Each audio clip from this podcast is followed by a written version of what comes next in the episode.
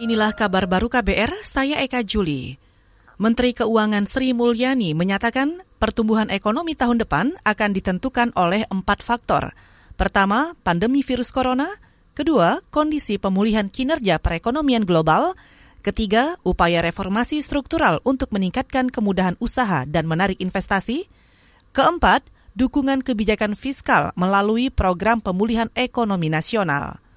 Menteri Sri Mulyani menargetkan pertumbuhan ekonomi tahun depan sebesar 4,5 persen hingga 5,5 persen. Menurutnya, target itu cukup realistis. Ia menyatakan penanganan pandemi virus corona yang menyeluruh menjadi kunci pemulihan ekonomi nasional dan mengembalikan ekonomi menjadi positif. Untuk itu, pemerintah kembali mengalokasikan dana pemulihan ekonomi nasional untuk 2021 sebesar lebih dari 350 triliun rupiah. Kita ke soal lain. Ahli Kesehatan Masyarakat Esti Ningtyas Nugraheni menyatakan penanganan COVID-19 di Indonesia cukup baik. Hal ini mengamini klaim Presiden Jokowi yang menyatakan bahwa penanganan corona sudah terkendali.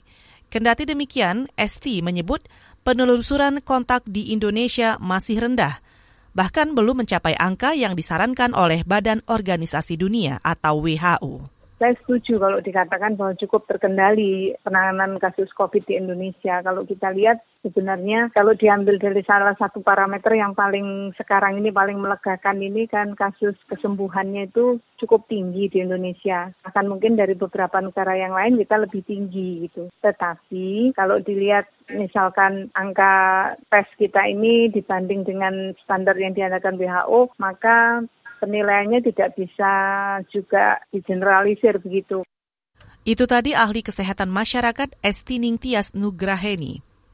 Sebelumnya, Presiden Jokowi menyatakan kasus positif virus corona atau COVID-19 di Indonesia masih relatif terkendali dibandingkan dengan negara lain.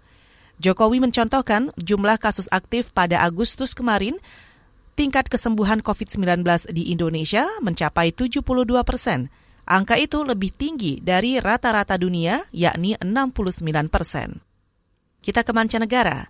Presiden Filipina Rodrigo Duterte memerintahkan kepala bea cukai untuk menembak dan membunuh penyelundup narkoba.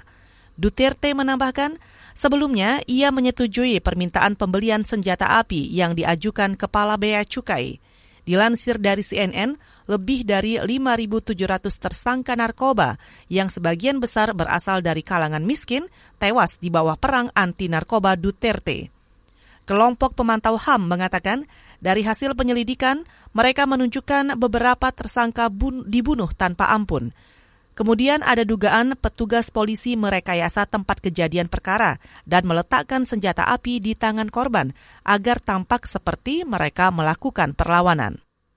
Saudara demikian kabar baru, saya Eka Juli.